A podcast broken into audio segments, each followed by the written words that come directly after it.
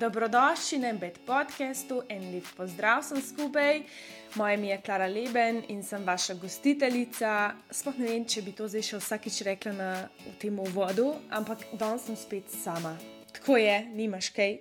Trenutno sem še v pižami, na glavi imam vroče navijalke, da bojo moji lasje imeli vsaj malo enega življenja, enega vala, kot da sem se mal potrudila, ker sem tudi vse in uh, pijem jutranjo kavico. In danes je ena tematika, s katero bi začela, in to so finance. Zdaj, mi smo, to sem že napovedala, da se bomo letos veliko pogovarjali o financah. To bomo seveda nadgradili tudi z odnosi, malo tudi ta del pogledali, mogoče partnerski odnos, finance in tako naprej, med skupinar, ne med skupinarja, tukaj fulejnih deljenih mnen in vse ostale stvari. In to, finance, odnosi so meni ene od trenutno najbolj zanimivih tematik, ker dejansko ful vplivajo na kvaliteto našega vsakdana. In danes zjutraj sem šla na Instagram. In videla en thread, a je kdo od vas na, temu, no, na tej novi platformi Threads. Jaz to nisem, ampak sem videl, kako reposta. In sicer denar na dlani je Instagram račun, ki ga vodi ena čudovita mladenka, ki bo tudi kmalo prišla na embed podcast. Zdaj, v naslednjem tednu smo dogovorjeni, da snemava. In danes je napisala nekaj, kaj meni ful uno, omega, ding, ding, ding. Kako najlažje zapraviš 5000 evrov na leto? Tako da vsak dan porabiš 13,7 evra za nekaj, česar ne potrebuješ. Se pravi, malo manj kot 14 evrov za nekaj, kar ne potrebuješ. In to je mene spomnilo na vse moje obiske, kakšnih kafičev, zajtrčkov, ko vzameš eno stvar v Ljubljani, pa stane takoj 15 evrov vse skupaj. In to je tako dan za dnem, in se kar nabere, kakšen dan celo več, in si misliš, ok, le sej sam tole. Ampak, polka ti to dejansko sešteješ v glavi in vidiš, koliko se to hitro nabere, začneš mogoče malo bolj smiselno razmišljati, ok. In pora je tem, da če mi nimamo nekega jasnega cilja, zakaj hranimo denar, vsaj recimo par meni je tako, pa je to, kar gre, se jo, ok, se bom tukaj to 20 evrov, pa tisto, pa uno, pa tretje, pa kar puhti to vse skupaj. In jaz sem se odločila, da nočem biti več tista oseba, ki jamra prijatelji služim, delam, bla, bla, bla, pa kar gre ta denar, kar gre, kam gre, sploh ne vem, kam gre, ne, da jamraš, pa kam gre vse ta denar.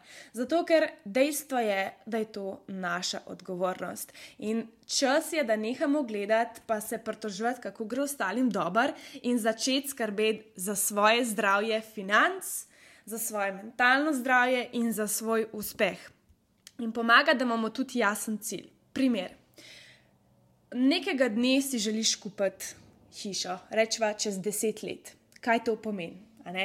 Za večino nas je to neka oddaljena ideja, ker si sam tako, wow, kakšne cene nepremičnin so in je vse skupaj kar mal nerealistično, da boš sploh dokdaj tja prišel, sploh v stanju, kjer si trenutno finančno. Ampak štartaš lahko pa sam od tukaj in je to danes priložnost, da začnemo na svojem začetku in začnemo delati boljše odločitve. Da lahko delamo boljše odločitve, pa fajn, da pogledaš v svoje finance za preteklo leto. Nima veze, če smo februarja, verjamem, da je marsikomu ta novoletna zaobljuba že popustila, nič hudega, ne rabimo novega leta, da se spravimo. Fajn je imeti ta zagon, ja, ok, ampak hkrati tudi februar je super priložnost, da spremenimo svoje življenje. Dan za dnem, mal pa pomal, res s konsistenco. Ne bo ta današnja epizoda ena priprava na epizodo, ki jo boš poslušala s tole gospodično iz Denar na dlani. Da jo mal na hitro predstavim. Ona je s svojim partnerjem brez kredita kupila oziroma zgradila hiško. Jo bom že zdaj polinkala, da mal pošpigunate, kot sem jo jaz. In če imate kakšno vprašanje za najno snemanje vnaprej, da, lahko, da mi pomagate pri ustvarjanju teh vsebin, dobrodošle. Za razliko od tistih vsebin z Marijo Milič, ona ni toliko v tem svetu investiranja, ampak v bistvu en korak pred tem. Se pravi, res spoznavanju svojih financ, tudi njeno delo v bistvu zajema, da svetuje o osebnih financah je že od forever nekako, jaz bi rekla, da na nek način, kot sem se pogovarjala, je kar malo tako ima že od otroštva nek tak strah, mogoče pred uh, slabimi financami, in jo je to popeljalo v to, da se zdaj toliko zanima za njih, oziroma se je že v preteklosti, dolgo, dolgo, dolgo nazaj, začela zanimati. No, zdaj so rekla, da je stara 80, ampak se je že v ne vem, svojih najstniških letih začela res ukvarjati s svojimi osebnimi financami. In dejansko sta s svojim partnerjem, kot sem rekla, zgradila hiško brez kreditov. In to se zdi marsikomu čakmal, kaj No, poglejte si in se veselim, da boste prisluhnili najnemu pogovoru v prihajajoči epizodi. Ena od stvari, ki se mi zdi, da je zelo napačno razumljena, je motivacija. To bi lahko zelo govorila, po moje, eno uro o njej to, kar sem rekla, na začetku leta smo vsi ful, ful motivirani ja, in zdaj bomo spremenili svoje življenje, kar je super, da to zgrabimo. Ampak fajn je tudi se zavedati, da pač se je to že vsi ptički na vejah pojejo, zdaj bo res kmalo začel pet, ker se približuje pomlad, da motivacija zgine, popusti in edino, kar nam ostane, je disciplina. Zdaj, vprašanje je tudi, iz kakšnega prostora, ja, rečemo, znotraj nas ta disciplina prihaja. Lahko prihaja iz enega nesramnega prostora, sovražnega samogovora in do spremembe svojega telesa, do spremembe svojih odnosov. Uno. Tako na nek način se mi zdi, da se velikrat ta naš notranji monolog o samih sebi sploh ne ujema s tistim uh, jazom, rečemo, oziroma delom nas, ki ga damo pa vsem drugim. Do vseh drugih smo vem, lahko spodbudni, prijazni, hej, imaš to bravo, pa pa, ki pride do nas samih, imamo pa sam neko kritiko zapovedati. In tudi to je naša naloga, da začnemo mi spreminjati in ne čakati na nekoga, da nas bo rešil in on spremenil ta naš pogled na svet in na ne vem, kaj še vse. Ne? Dost čakanja punce, gremo vzeti stvari v svoje roke. Tako da jaz mislim, da kjerkoli stvari se lotimo, kot smo začeli recimo v letošnjem letu govoriti o preobrazbi, ki se še vedno dogaja na embed spletnem studiu do konca marca. Zdaj smo imeli eno full dobro tematiko o spoštovanju svoje ženske narave. Ne vem za vas, ampak jaz sem tako kar dost. Um, ene zamere kuhala, pa še zdaj jih daj tako, mogoče čist nehote do svojega telesa, zaradi bolečih menstruacij, pa tudi zaradi drugih stvari. Ne vem, takrat, ko sem imela to prehransko motnjo, da gre vse proti meni, da me ne posluša, da gre se mi upira, do ne vem, recimo zdaj, če rabim imeti fokus, pa ga kar ni, pa sem še kar uno frustrirana sama sabo in tako naprej. To se še vedno odvija na InBest-spletnem studiu in se lahko še vedno pridružite tiste, ki vas zanima.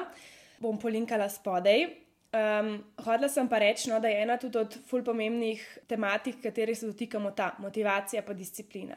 In motivacija pač zgine, zato ker jo dobimo kot rečemo temu, da nam je dana kot ta štart, zagon, let's do it, let's make a change. Poje pa ta disciplina tista, ki itak se nam ne da skozi isto, itak motivacija se spreminja in volja nasploh do dela tekom pač prihajajočega meseca, tudi da so vpliva naš cikl, na to um, našo produktivnost, našo pripravljenost za delo, naše ideje in tako naprej. In tukaj pride pa pač, kar sem rekla, v igro disciplina.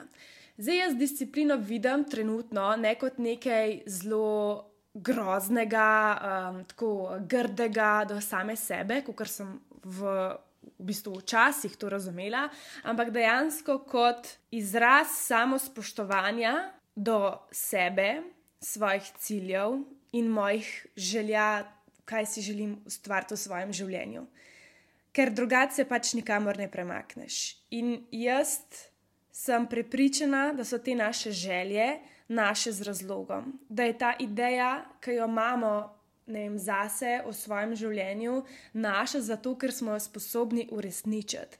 To, kar si mi res ful želimo, kar je ne neka naučena zadeva, ne vem pač, ker jo vidiš pri uh, desetih drugih puncah na družbenih omrežjih, ampak zaradi tega ne vem, če bom mislil za nazaj, pa me je to vedno bila neka.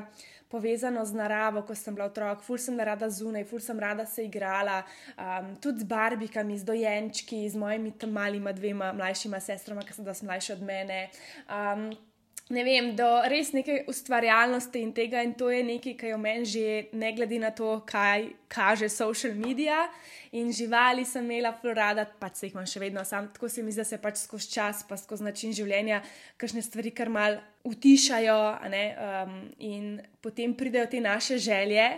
V igro, da nas spodbudijo, da spet najdemo ta del sebe, da spet negujemo ta del sebe. In ta disciplina je edini način, da se ne prepustimo neki random. Random valu motivacije, ki ga ne vem, naslednji dan lahko ni več, ampak pač, ko res začutimo, ok, primer, moja želja je za letošnje leto imeti svoj vrt, zdaj vem, Ampak to je nekaj, kar se mi zdi dosti dosegljivo. In kaj sem naredila? Mama mi je prinesla iz knjižnice, zato ker je knjižničarka, uh, knjige o vrtnarjenju in zdaj to pred spanjem berem.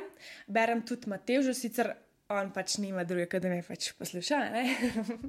Ampak je ful zanimivo. En, en del vam moram dejansko prebrati, kaj meni so te zadeve, kar se tiče same narave, ful fascinantne, ker se mi zdi, da uh, ne vem, nam je marsikomu.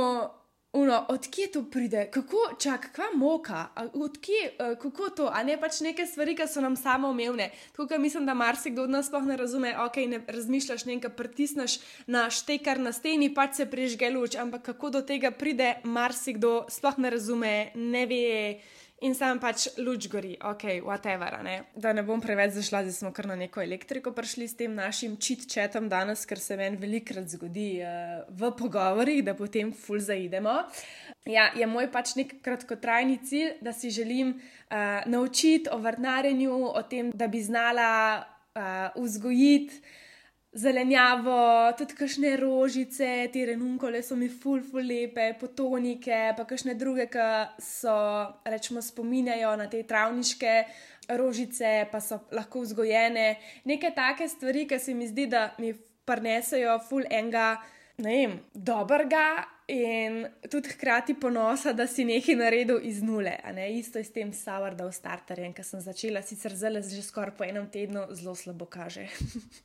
Veste, ki ste na Instagramu, veste, sem že enkrat nekaj objavila, da sem začela in zdaj le moram reči, danes, ko sem ga spet nahranila, mm, ne vem, no, malo sem sumljiva glede tega mojega poskusa, ampak neč hudega, lahko še enkrat poskusimo. Kakorkoli že, zdaj vam bom prebrala najprej en sek. Iz te knjige, ki sem si jo sposodila uh, o tem, vrtnarjenju, Okay, najprej sem mislila, da bo pač samo ceh, ampak je dejansko za prebrati prav ta celoten vod, ki je tako en A4 list papir, tako da ne vem, likajte zraven ali pa neki, ki bo zaradi tole malce časa trajal. Sam se mi je zdel ful zanimivo, tako malo za razmišljati, ker ponavadi gremo samo v trgovino in pa ne vem, vzameš tisto korenje in je tako cel voden brez okusa, ali pa izjemno hiter splesna, ali pa ne vem, pač ko smo ne razmišljamo, kako ta hrana, ki jo prinesemo na mizo. Kuk je polna, ali pa kuk je dejansko prazna. Torej, tole je knjiga od Miše Pušenjak za vsak vrt, kompostiranje in visoke grede. In naslov tega levoda je za zdrave rastline.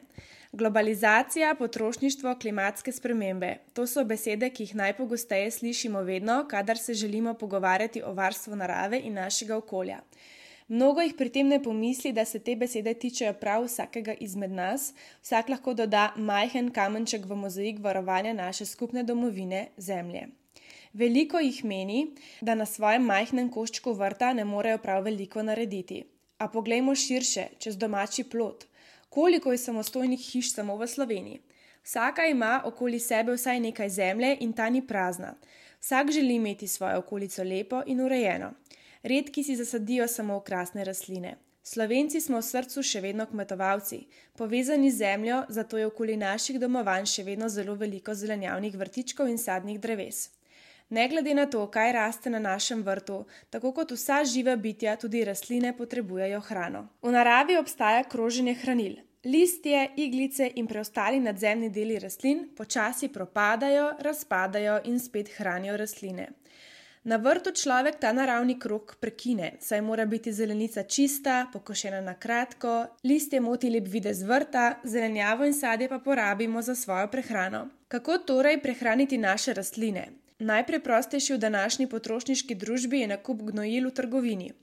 Na srečo pa jih mnogo že razmišlja o tem, kako tudi na vrtu delati čim bolj z roko v roki z naravo.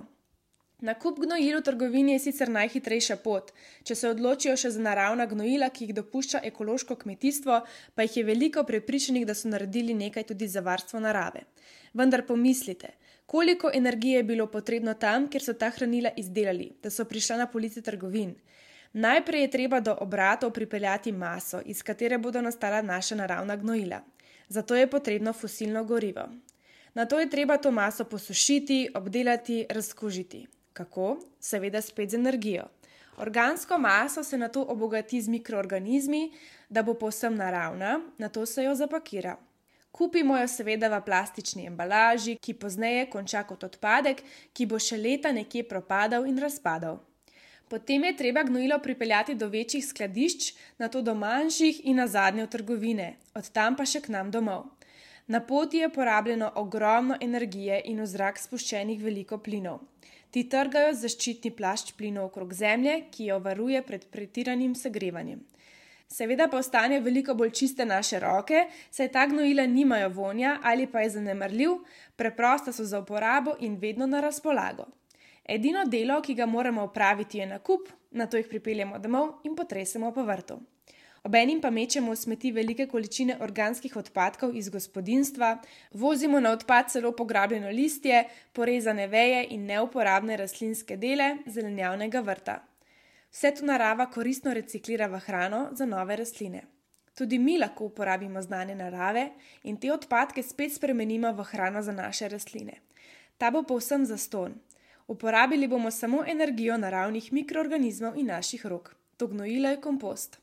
Obenem bodo naše rastline veliko bolj zdrave, hkrati pa se bomo izognili še uporabi fitofarmacevtskih sredstev, s katerimi popravljamo to, kar naredimo s pretirano uporabo različnih gnojil in drugih pripravkov, ki jih pogosto brez razmišljanja uporabljamo v prevelikih količinah.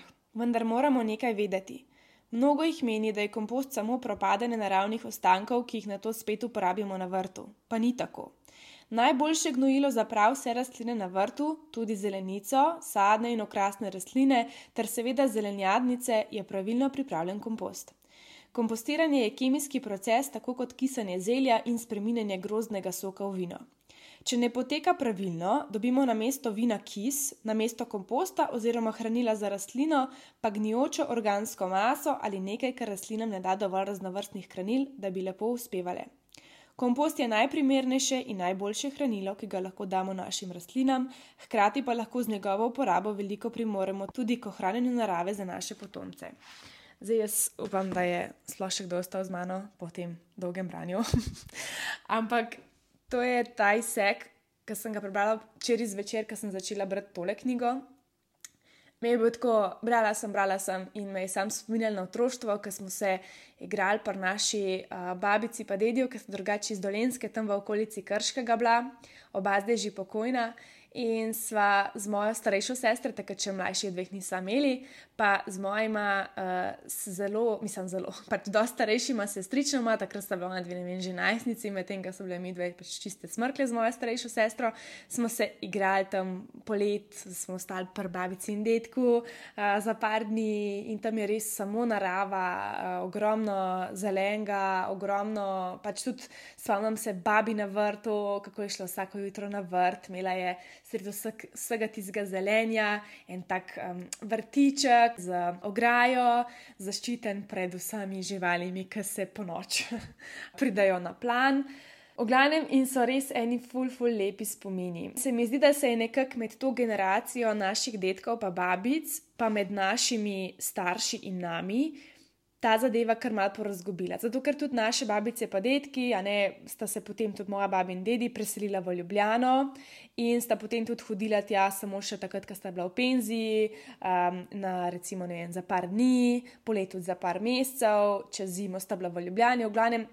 Ona dva sta tista, ki sta še to ohranjala, in tudi moja babi, ko je se poslala od nas počasi in je bila v domu, bila je dementna, ampak to, ta del svojega doma, ta narava, način življenja je bil pa nekaj, kar ni pozabila do konca.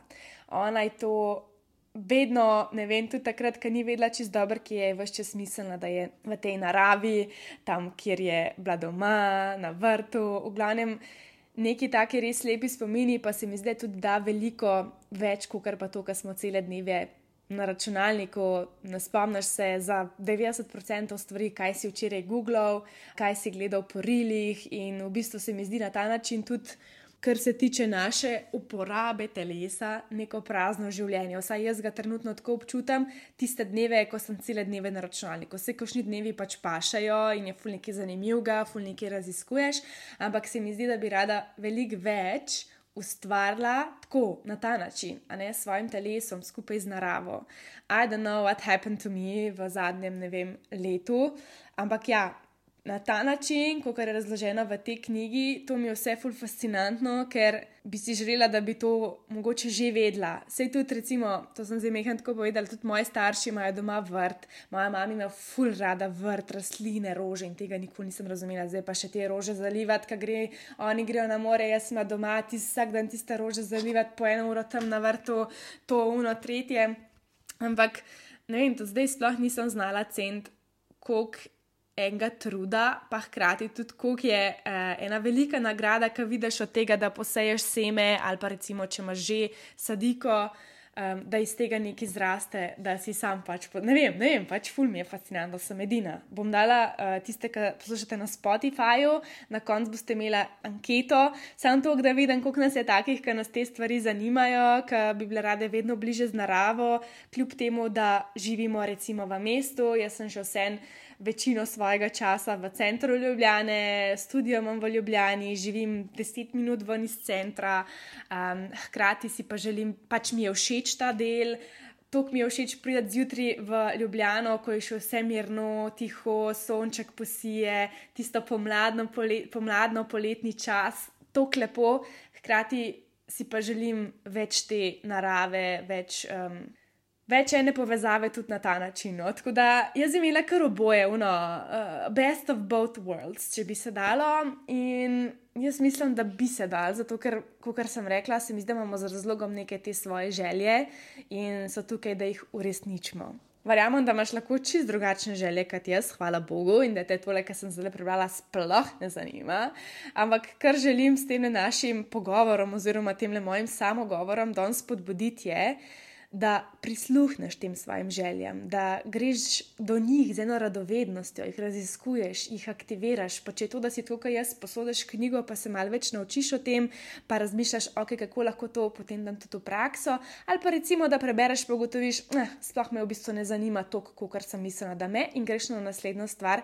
In jaz sem prepričana, da na ta način, ko najdeš neke svoje interese, katere sploh nisi pričakovala, da bojo karkoli z njih ali pa da te bojo dejansko dejansko tako veselili, kot kar ne vem, mene začeli zdaj tale vrtnarjenje zanimati. Se v, mogoče se bo ob prvi žabi na vrtu, ki mi bo skočila v obraz, kot se mi je zgodilo enkrat, ko sem mogla blitvo pobirati iz našega vrta doma, mi je žaba skočila vame in sem tako nikoli več ne grem na vrt. Evo, to je moja travma. ali pa kakšni tisti bramori, pa ne vem, take zadeve, pa kakšne miši ali pa kje da se najdejo, pač, ajno, mislim nekaj, česar uh, ni v tej moji idealni predstavi vrtnarjenja, ampak vem, da je del vsega tega no, in da me lahko še mine. Ampak, ampak, nikoli ne veš, dokler ne probaš. Vsaj pri meni je to nekako tako se izkazalo za.